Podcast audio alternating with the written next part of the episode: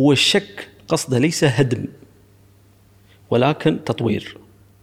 يعني كل شك هو مجال أنك تطور في النظرية مالتك وليس تهدمها. تجيب شيء تفكر شغل مخك وتحاول تجاوب على السؤال نفسه بطريقة تلغي الشك هذا اللي أنت عندك إياه. بعدين بيحث ثاني بيشكك في النظرية هاي. هم بعد بتطورها شوي. وبيحسنها. وبيحسنها. إلى ما لا نهاية.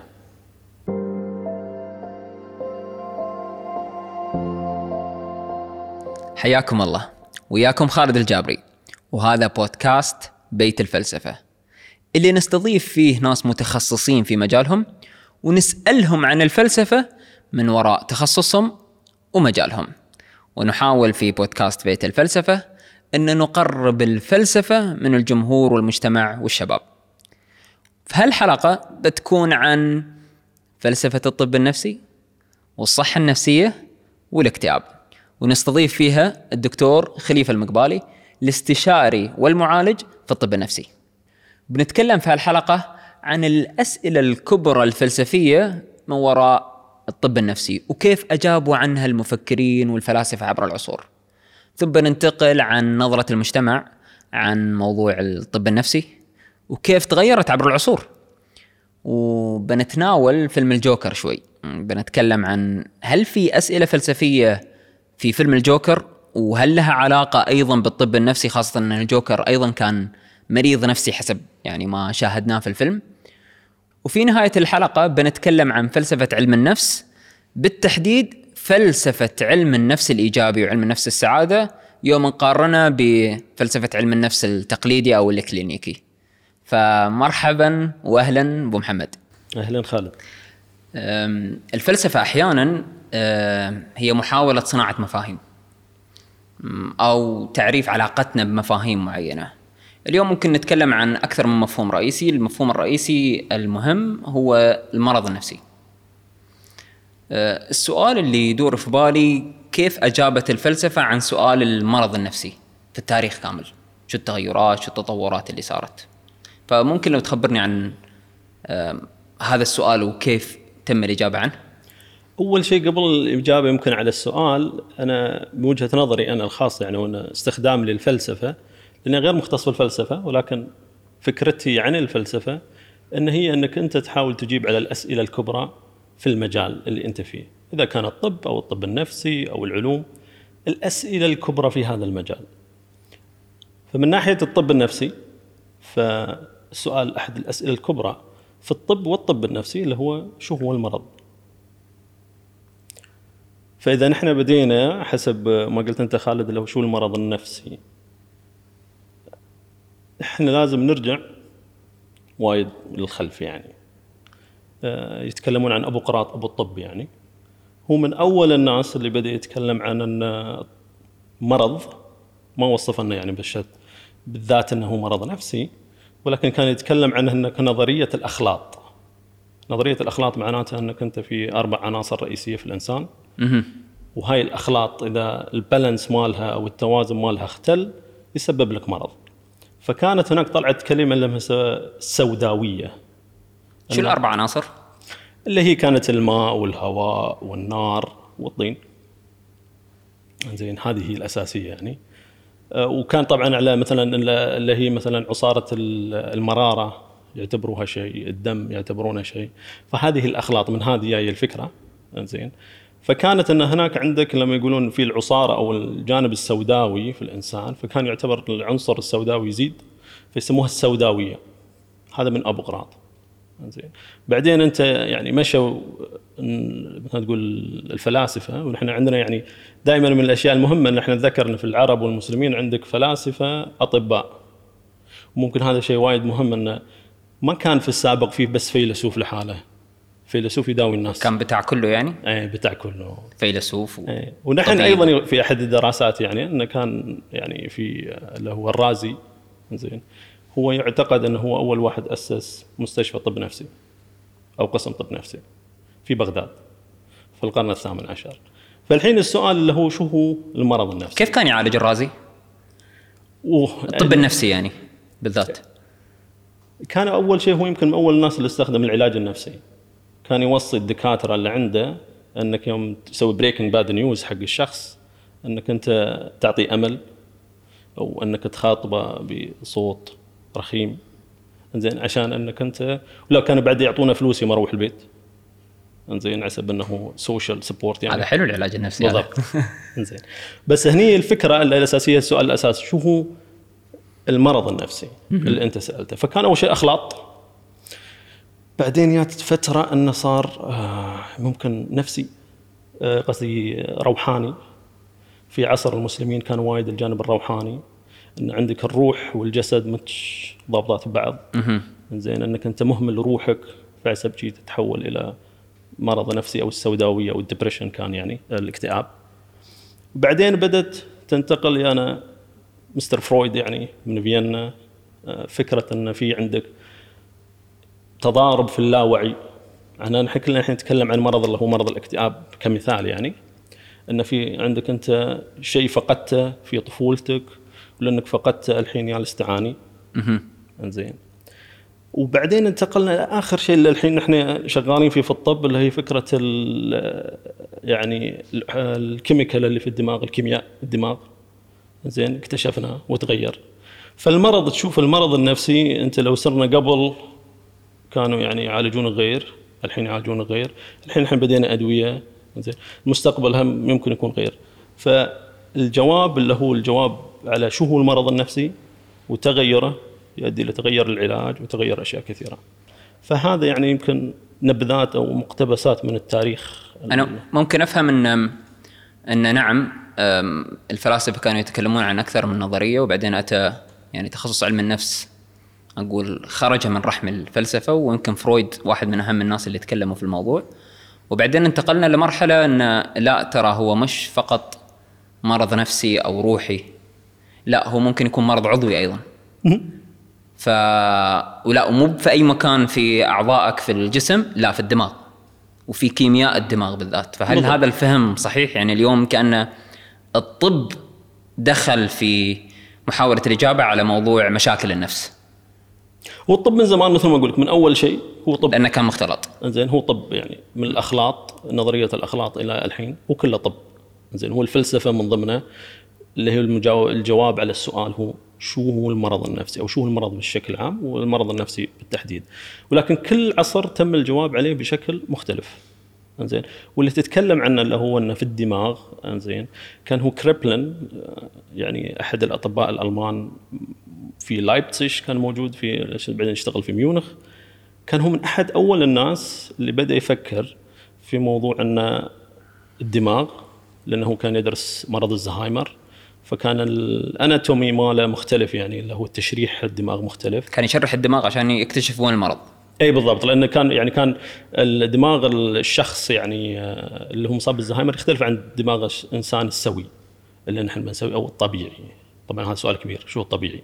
أو شو السوي زين فهني تم الانتقال يعني ولين ما وصلنا نحن موضوع اللي هو الكيمياء الدماغ وهي كانت صدفة أول شيء فكرة يعني. هو كان أصلا في دواء جالسين يجربونه عشان السل. فقاموا يعطونا ناس وكان فيهم اكتئاب لأن السل كانوا يعزلونهم قبل. زين ويعني زعلانين شي. ويوم بدوا يعطوهم هالادويه قاموا يشوفون الناس يعني ينبسطون. زين فأتت فكرة إنه ممكن في في كيمياء الدماغ في شيء. زين وبدأت تطلع الأدوية. ومن خلالها طلعت فكرة إن في هناك كيمياء الدماغ تسبب يعني اللي هو الاكتئاب. هذا عام 1950 مو بعيد يعني. مو بعيد. لا. و طرحت سؤال وانت تتكلم بشكل سريع بس أتوقع أنه واحد من الأسئلة الكبيرة اللي هو سؤال بحسب حسب الفلسفة ما هو تعريف الإنسان السوي أو ما هي فلسفة الإنسان السوي وممكن اللا سوي فهل حتى الطب النفسي أو فلاسفة المرض النفسي استطاعوا أن يجيبون على مثل هذا السؤال؟ هل في طريقة معينة للإجابة على هالسؤال؟ هذا سؤال كبير ومثل ما قلت الأسئلة الكبرى هو خالد عادة في كل عصر كل حد يحاول يجاوب عليها. ولا يوجد إجابة صحيحة ولكن في إجابة قريبة من الصح يعني هذا شيء غير لا متناهي لأنك أنت كل جواب هو تنظر للسؤال من اتجاه مختلف من اتجاه مختلف. فأنت يعني حيثياتك أو نظرك للسؤال الكبير هو لا غير منتهي. يعني أنت طول عمرك راح تتم تجاوب على نفس السؤال. بس بطرق مختلفة. بطرق مختلفة. ومنها شو هو السوي؟ زين شو هو الإنسان السوي واللا سوي؟ تمام. زين. حاليا الإجابة على هذا السؤال هي إجابة إحصائية. هي الأغلبية. يعني نحن الدم هذا مالك لما نصير نفحص نحن الدم. تشوف يحط لك أنت الهيموجلوبين مالك من 10 من 12 مثلا ل 14 ليش؟ ليش ما كان 20 لأن أغلب الناس في هذا لأن ال range. كانوا سووا فحص مسح في ال population هذا اللي موجودة فيه أو يعني الناس اللي موجودين. فحصلوا إن 80% 90% من الناس يقعون ضمن هذا الإطار. فسموا هذا الإطار هو الإطار الطبيعي. هذا المنحنى الطبيعي في الرياضيات. فهذه هنا الحين هذا الشيء مشكل يعني في إشكال.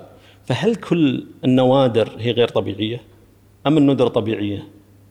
وهذا حاليا في الطب النفسي بالذات في عندنا شيء حركة اسمها ال neurodiversity أو الاختلافات يعني العصبية.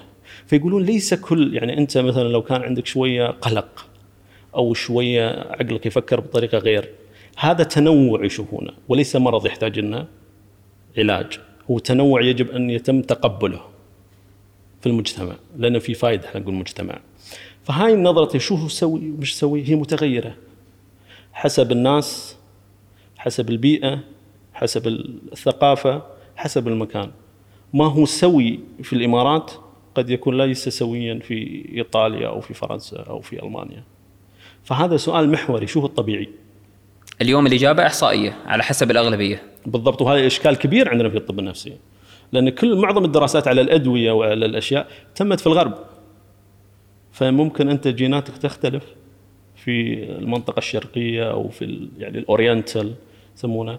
فيمكن أصلا الأدوية ما تصلح عليك لأن لم يتم تجريبها على هذه آه، يعني ليست جميع الأدوية تم اختبارها على الناس اللي موجودين في بيئتنا. وهناك أدوية وهناك جينات تؤثر كثير. فهذا اللي هو تعرف شو هو السوي؟ شو هو الطبيعي؟ بالتعريف الإحصائي مشكل.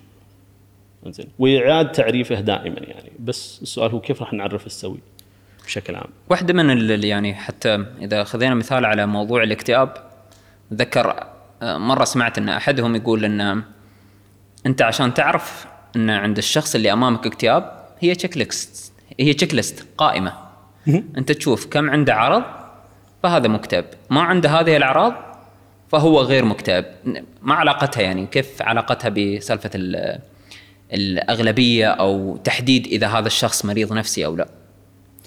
هذا الحين اللي أنت تصفه اللي هو الحين هذا المرحلة الأخيرة في الطب النفسي اللي هو قائمة على أنك أنت تحط التشيك ليست قائمة. لازم تكون تحتويها أو لا هاي هدفها أصلا حقيقة أكثر من تشخيصي إن أنا وياك نكون نتكلم عن نفس الشيء. يعني انت تقول شخص مكتئب وأنا أقول شخص مكتئب نحن نتفق على شيء معين. نحن متفقين على شيء. شو قائمة في هاي؟ وطبعا هذا الشيء اللي أنت تكلمت عنه يثبت أن أصلا تعريفنا نحن حق الاكتئاب هو متغير. يعني الحين مثلا على سبيل المثال إذا أنا أو أحد من الناس فقد غالي عليه. حاليا نحن قبل كنا نقول لي ست شهور أنت تزعل ما هو في مشكلة. طبيعي. سنة بنستقبلها. بعد السنة يبدأ نقول هل هذا بدأ صار مرض أو لا؟ زين هل تحتاج علاج أو لا؟ وكثير من يعني هذا رجعنا على السؤال الاولاني شو المرض النفسي؟ وكثير من الأمراض اللي نحن نسميها أمراض نفسية كانت في السابق هي مشاكل اجتماعية. منكم مثال دكتور؟ والاكتئاب لا أنت زعلان وما أدري شو نقول لك والله مشكلتك من الدوام سير خلص دوامك أو حرمتك يعني طلق حرمتك تزوج حد ثاني. فنحن ما ابي اصير نعالجه كانه مرض بل هو على أساس إنه شو آه مشكلة اجتماعية. وهذا الأمر تغير. وهذا أيضا بسبب نظرتنا حق اللي هو السؤال الفلسفي الكبير اللي موجود اللي هو شو هو المرض النفسي؟ وشو هو السوي؟ بناء على الجملة اللي قلتها إن نظرتنا تغيرت للامراض النفسية أحيانا. هذا سؤال في بالي يعني إن شو علاقة المجتمع اليوم بالمرض النفسي. يعني اليوم الخطاب اختلف. سابقا كنت إذا قلت الواحد يا أخي روح عند طبيب نفسي أو معالج نفسي حتى من غير أدوية. يقول لك ليش أنا مجنون؟ يعني ما يروح هناك إلا المجانين. آه، بعدين وصلنا لمرحلة أن الناس بدأت تتكلم أو الخطاب بدأ يتكلم أن آم، ترى في أمراض. أنا إنسان مكتئب أنا إنسان عندي قلق أنا أخذ أدوية أو غيره. فصار في خلينا نقول توطين أو تسهيل لفكرة أن الشخص ممكن يحتاج إلى العلاج النفسي. حتى وصلت لمرحله يعني عند الناس يعتقد أن كل الناس فيهم علل نفسية. أو بشكل أو بآخر ترى عشان تكون إنسان ناجح يا أخي روح عند معالج نفسي أو في أقل الأحوال life coach أو business coach يعني. فالسؤال اللي في بالي أنا يعني اليوم بالعربي الفصيح هل نحن البشر كلنا نفسيات؟ أول شيء ممكن على أول ما بديت أنت سقراط أحد فلاسفة زين. سقراط كان يعتقد وهاك الزمن في اعتقاد أن الناس اللي عندهم اللي هو ميلانكولي السوداوية أو أحد الأمراض النفسية أنه هو عادة الناس الأكثر ذكاء. وهذه هي ضريبة الذكاء والعبقرية. حتى نحن عندنا في العربي نقول بين العبقرية والجنون شعرة. هذا من نفس الفكرة. أن عادة لما أنت فكرة السائده كانت يعني أن أنت لما تكون وايد ذكي أو وايد عبقري تتعب زيادة. تتعب زيادة. زين آه فهذه نقطة، أول شيء أن نظرتنا بعد فترة هذا الأمر النظرة هاي خفت. بدأت صارت لما جاءت اللي هم يعني القرون الوسطى كانت النظرية السائدة أنه هي لها علاقة بالدين والتدين والوازع الديني. عشان شيء أنت؟ فكان صار في وصمة عار. زين لك. وبعدين أتت أيضا يعني في أنا المكان اللي أنا كنت فيه في ألمانيا يعني في عصر النازية كان اللي هو تحسين النسل نظرية تحسين النسل. وكانوا النازيين هيك الوقت ناس يعني مؤمنين أن الوقاية خير من العلاج. حلوة إيمان الفكرة. إيمان إيمان قوي يعني. حلوة. فقالوا هذيل الناس المريضين تخلص منهم هذيل الجينات سيئة. فكانوا يقتلون أطباء للأسف. نفسيين. يقتلون المرضى النفسيين. أي مرض؟ أي شخص يشوفون أن هذا في جينات مو بزينة. زين ليش نخليه؟ نحن لازم ناخذ تحسين النسل. نخلي بس الجينات الزينة. فكان في المستشفى اللي أنا فيه تم إعدام 1600 شخص اللي أنا تدربت فيه يعني في عصر النازية. فأنت الحين تشوف كيف من انه قبل عند سقراط كان المرض النفسي يعني إذا أنت عندك مرض نفسي معناته أنت عبقري. وهي الضريبة هاي زكاه عبقريتك. وبعدين تحولت وصمة عار. بعدين تحولت وصمة عار. إنزين؟ وبعدين تحولت شيء أنت أصلا لو حد من أهلك عنده أنت لازم تتخلص منه من أجل البشرية. عشان البشرية هذه تتطور فلسفة تحسين النسل هذه. تحسين النسل. إنزين؟ فتغيرت. والحين نحن في المجتمعات أيضا كذلك الحين. أنت الموجات اللي تشوفها هاي. هل كل واحد عنده علة؟ نفسية وهذا طبيعي رجعنا شو هو السوي؟ هذا كله موجود عند الناس أو لا؟ فأنت تلاحظ أن أجوبتنا على الأسئلة الكبيرة في المجال النفسي تتغير. وإذا تغيرت تغيرت الساحة كاملة. حسب أنا أقول خالد إذا واحد درس أي علم وإحنا للأسف نسمي علوم تطبيقية. وهو ما يعرف فلسفتها يتوهق وهق عودة. ليش؟ لأنك أنت كأنك تبني بيت وما تعرف شو الأساس. أساس العلم اللي أنت تدرسه مجاله هو سؤال فلسفي كبير، شو هو المرض؟ يعني تخيل أنت درست على منهج أبو قراط السابق الأخلاط وفجأة طلع واحد قال لك لا كلام فاضي. إحنا جوابنا على السؤال شو هو المرض تغير تشريحي وتجربة وشيء. فكل اللي درسته على أبو قراط صار ما منه فائده. علمك اللي درسته ما منه فائده، أنا الحين دارس على مذهب شو أو على فكرة انه هناك كيمياء في الدماغ متغيرة. مم. زين والسؤال الكبير هل هو فعلا سبب المرض؟ هل هو روحاني؟ هل هو بسبب اللاوعي اللي يتكلم عنه فرويد؟ فأنت كل اللي تتعلمته إذا أنت ما عندك إدراك بالأسئلة الكبرى اللي هي أساس العلم المبنى اللي حطيته بينهار تذكرت فكرة الروحاني ودائما عندنا في مجتمعنا لليوم إذا تكلمت عن المرض النفسي أو العلاج النفسي دائما يذكرون الجانب الروحاني فيه. أحيانا حتى المرض النفسي ما يذكرون فقط الجانب الروحاني الجانب الغيبي فيه. يقول لك ترى أنت متلبس ولا أنت فيك شيء من خارج هذا ال- الكون بشكل أو بآخر. هل ما زالت هذه مؤثرة؟ أنت اليوم لو وياك واحد في العيادة يبي يتعالج وعنده هالإيمان بهذه الفكرة مؤثرة بشكل كبير عليك؟ طبعا هي هي مؤثرة وموجودة ما زالت في المجتمع الإماراتي على أقل تقديري يعني. هي موجودة وقوية. فأنا دائما حتى أمزح مع مرضاي يعني. بقول له صرت مطوع. قريت سورة البقرة. زين. فأنك خلاص سويت التشيك ليست وأنا ما عندي مشكلة يعني. أنت جرب كل الوسائل الموجودة. لأن هذيك آه، الناس اللي حست بشيء هو أيضا مجاوب على سؤال المرض. ما هو المرض النفسي؟ جواب فلسفي مختلف عني أنا. وعلى هالأساس بنى أنه ممكن يكون حسد أو يكون شيء ثاني. فأنا أحترم هذا الشيء. تحترمه وأحيانا يعني تسأل المريض اللي مناسب له هذه الفكرة انه إذا تبي تتعالج ترى ما تتعارض معي. أنا دائما أقول إنه وسائل. هذا دواي أنا وسيلة العلاج النفسي وسيلة القرآن وسيلة وسائل. جرب. إذا شيء نفعك توكل على الله. لأنك أنت ما يحتاج لأن إنه هو عادة هذا جواب يعني الأساس مختلف في البنيان يعني. زين. فأنت ودائما أنا أقول أخطر عن أنك أنت تجاوب من غير علم. أنك تجاوب بعلم مطلق. يعني أنا أقول والكل غلط. هاي وهقة أكبر. أكبر عن بعد لا تقول تفتي من راسك.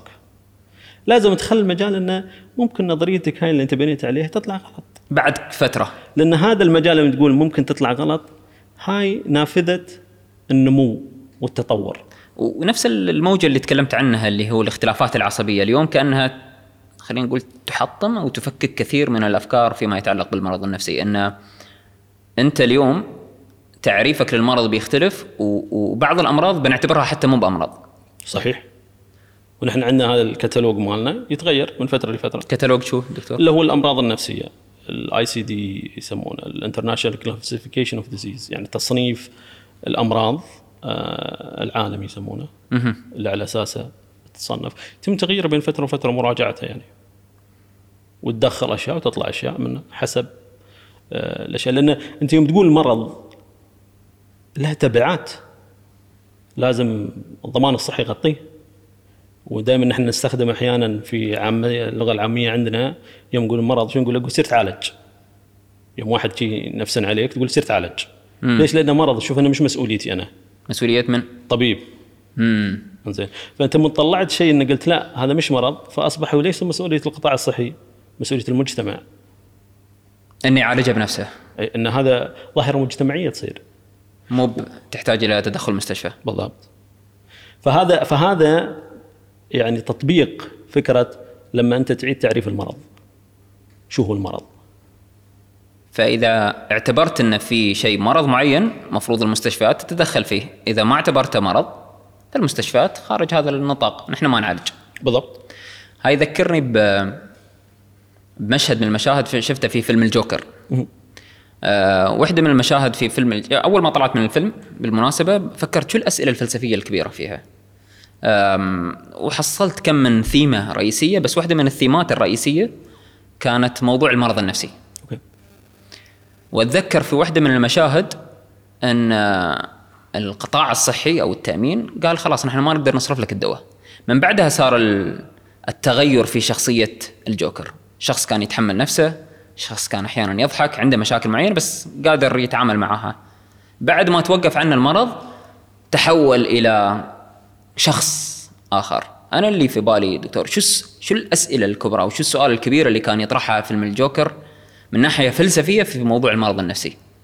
أنا من وجهة نظري من أحد الأسئلة الكبرى يمكن هو يطرح كذا سؤال ولكن أحد الأسئلة الكبرى اللي دائما هل هو كان ضحية مرض والمجتمع ما فهمه أم هو كان قاتل؟ زين وهذا دائما في الأمراض كلها. زين ومن أحد أكبر الأمراض يعني مثلا عندك الاكتئاب والإدمان. هل أنت سبب اكتئابك أم أنت ضحية اكتئابك؟ وهذا كان نفس الشيء. هل هو هذا كان ضحية مرض النفسي وسوى كل هذه التبعات؟ أم أنه كان سبب وقتله أيضا سبب؟ وهذا نحن دائما نسأله في الطب الجنائي. زين آه اللي هو هل المريض مسؤول عن أفعاله أو لا؟ يعني المحكمة تسألنا هل خالد أو خليفة كان مسؤول عن أفعاله؟ اللي لما قتل هذا الشخص. سؤال المسؤوليه ينطرح في المحكمة إذا أتاكم في ال ال- ال- ال- إيه، مثل بشكل الجوكر هذا قتل حد الحين. هي. فيجي للقاضي هل هذا كان مسؤول عن تصرفاته ولا بسبب تأثير الدواء أو تأثير ال- الاشياء اللي هي الأدوية أو تأثير المرض نفسه؟ ويسألك كخبير وأنت تعطي الجواب. نحن نعطي الجواب. مين اللي يحكم؟ القاضي. يعني القاضي صار فيلسوف الحين. بالضبط إنزين. القاضي هو اللي يحدد لأن هذا قانوني. أيضا هذا سؤال قانوني. يعني ممكن أنت شيء يصير في الإمارات هو يعتبر أنت تتحمل مسؤوليته كامل. نفس الحدث يصير في دولة أخرى تعتبر أنت غير مسؤول عنه. زين. لأن الحد المسؤولية وشو الأسباب اللي ترفع المسؤولية تختلف من مكان إلى مكان. زين. فهذا هنا السؤال دائما اللي هو السؤال الكبير. هل أنت نتيجة الظروف أم أنت مسبب الظروف أو مرضك؟ هل أنت ضحية؟ أو أنت فاعل هل أنت فاعل أو مفعول به؟ أنا نظريا أو يعني وجهة نظري أنك أحيانا نحن أصلا اثنين مع بعض. ضحية وقاتل. قاتل. يعني نحن فاعل ومفعول به في نفس الوقت. نحن سبب نتسبب في جزء كبير من مرضنا ولكن نحن أحيانا ضحية مرضنا مثل الاكتئاب. امم ومثال ثاني على سبيل نخوز عن الاكتئاب نقول اللي هو السكري. لما الواحد مصاب في مرض السكر مم. سلوكك الحياتي سبب من أحد الأسباب لكن ليس السبب الوحيد. في واحد ضعيف شراتك لو يأكل لو شو ما يأكل ما اي شيء. إنزين. ولكن معظم الناس مثلا اللي في سكري سلوكياته غير مناسبة. فهو دائما هذا هل أنت مسؤول عن مرضك؟ أو أنت غير مسؤول عنه؟ هل هو قضاء وقدر أم هو اختيار؟ هو إجبار أو اختيار؟ زين فهذه أيضا من الأسئلة الكبرى. سؤال الضحية والقاتل في فيلم الجوكر يذكرني بمشهد يمكن أحرق شوية من اللي ما شافوه. ما أدري دكتور أنت شفته ولا نص نص. نص نص هاك. الطيارة وصلت قبل لا يخلص الفيلم. ففي مشهد أه، الممثل الجوكر أه، يكون رايح للقاء تلفزيوني وقبل ما يبدأ اللقاء يسوي بروفا يمسك المسدس ويتكلم يتكلم يتكلم بعدين يقول يحط المسدس في حلجة. يقول كم من جملة بعدين يحط المسدس في حلجه فخلاص أنت متوقع أنه يوم بيدخل على اللقاء التلفزيوني بي بيقول هالجملتين وبيحطها في حلجه خلاص بينتحر. آه فأنت تشوفه ضحية. مسكين هذا بيقتل نفسه منتحر. يوم يدخل اللقاء يقول هالكم من جملة بس ما يحط المسدس في حلجه يقتل ال ال- اللقاء المذيع. يحط المسدس باتجاه المذيع ويقتله. فالحين انت على طول صار الشفت هذا كان ضحية أو قاتل. يمكن بنفس ال- الأسئلة تدور حولها على موضوع الجوكر. آه، عن موضوع الجوكر. خليني أجيب لك شيء أنا من ما هو ليس فيلم ليس في ممارساتي يعني كطبيب نفسي. كان في كذا شخص يعني لأن أنا عندي اهتمامي إدمان واكتئاب. فأتى شخص كان مسوي حادث. جات الحد في الحادث ما لعب في سكر. امم مش هني؟ في ألمانيا. فأنت قاتل وخمر. يعني سوى حدث وقتل حد. هي قتل حد. خمر. ما حد قالك تشرب تسكر. فأنت الحين حطيت في خانة شو؟ مجرم. امم زين. لما جلست معه أول مرة فتحت الملف ماله. هذا الشخص تم حبسه يمكن فوق السنتين من قبل أبوه ضربة تعذيبه وهو صغير. وكان يشرب يبغى ينسى بس هذا المرحلة من حياته. فأنت هاي المعلومة الحين تخليك تفكر هل هذا أحبسه طول عمره؟ هو أصلا اوريدي كان محبوس وهو صغير. أو إنه هذا ضحية سوء معاملة أبوه. زين والهم اللي شافه إنه كان عمره ست, ست سنوات وتعذب وكل التعذيب هذا. فأنت دائما تقف في هذا المفترق هل أنت ضحية؟ أم أنت مجرم؟ وهذا الأمر ليس فقط في الفيلم. زين. هذا في الحياة الواقعية أيضا. هذا ال- يعني بشكل مستمر ما بنقول كل يوم ولكن جزء كبير من آه، من الطب النفسي أنت تقع في هذا الشخص في هذا المجال اللي هو شخص فعلا عانى. زين. وتسأل نفسك كم في المية هالمعاناة؟ شو جاوب دكتور؟ السبب هذا. شو جاوبت؟ والله كان أنا ما كتبته لأنه هو مريضي فدائما تقرير المحكمة لازم شخص آخر غير المعالج. فأنا طبعا كنت سعيد إني أنا ما كتبت لاني كنت متعاطف معه حقيقة يعني. زين فكان أحد من زملائي هو كتب التقرير للمحكمة. في واحدة من الموجات الرئيسية أم، ممكن الواحد يتابعها أه، في موضوع علم النفس اللي هي علم النفس الإيجابي. أتوقع لها 20 30 سنة يتكلمون عنها. أو علم النفس السعادة أو علم النفس القوة الثالثة. وحسب الفهم اللي فهمته منها أن أه، تحاول تجيب عن سؤال آه شو الهدف من العلم النفس بطريقة مختلفة. بمعنى العلم النفس الإكلينيكي آه، العلم النفس الإكلينيكي أو الطبيعي العادي آه، يحاول أنه يخليك تكون إنسان بلا أمراض. إذا أنت ما عندك ولا مرض فأنا ما بعالجك. صحيح. بس علم النفس السعادة أو علم النفس الإيجابي يعني أظن يقارب الموضوع بطريقة مختلفة فممكن دكتور تخبرنا عنه أول شيء هذا السؤال الكبير أيضا مساله كبرى آه، في يعني في الطب النفسي وفي الطب بشكل عام شو هي الصحة؟ زين الحين لو تلاحظ الحين قربنا بنخلص الحلقة بتشوف إن نحن بدينا نقول شو هو المرض ولا عرفنا المرض. المرض النفسي هو الاختلال عن السوي قلنا شو هو السوي؟ هذا هم سؤال كبير. مم. الصحة كانت تعرف أنك أنت ما عندك أمراض. خلوك من الأمراض. وبعدين ترجع شو هو المرض؟ أنك تكون أن يعني أنك ابتعدت عن السوي الطريق السوي أو الإنسان السوي وشو هو السوي؟ فتشوف إن الأسئلة متراكبة. وتعريف الصحة تم تغييره من قبل منظمة الصحة يعني العالمية إن ليس فقط خلوك من الأمراض هي حالة أخرى زين تكون فيها أكثر إنتاجية وأكثر فاعلية وأكثر استقرار ورضا عن نفسك. أوه زين هنا أتى اللي هو ال positive psychology أو علم النفس الإيجابي اللي هو يركز على الجانب الصحة بعيدا عن المرض.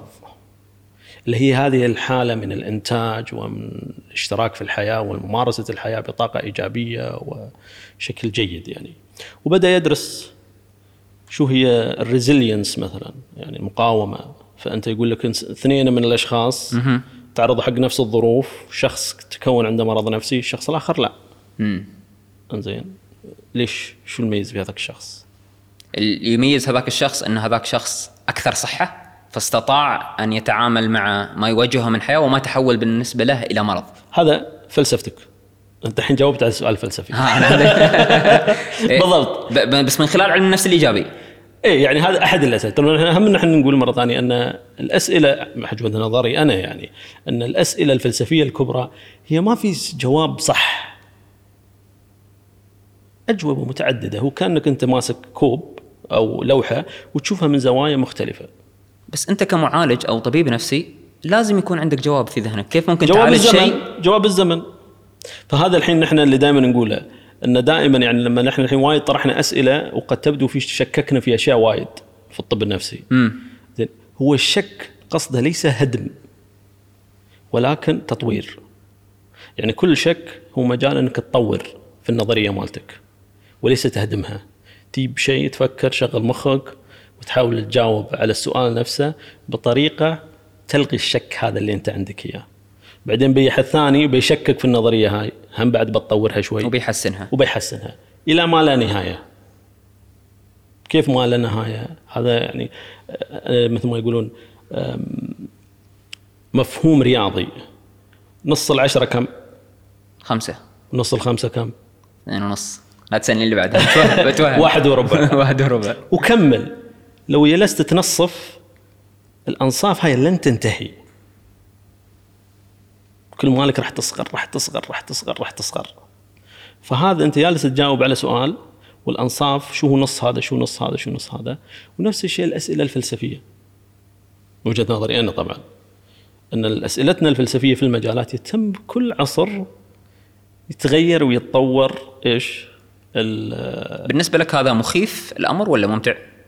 هذه هي فرصة النمو. ولا لو نحن كتاب طبخ خلصنا ما في تطوير. إنك أنت تعرف شو الأسئلة الكبرى في مجالك وكيف يتم. ومثل ما قلت وأنت كيف تعالج الحين؟ تعالج بالنظرية الموجودة حاليا. بس لا تؤمن إن هي مطلقة الصحة.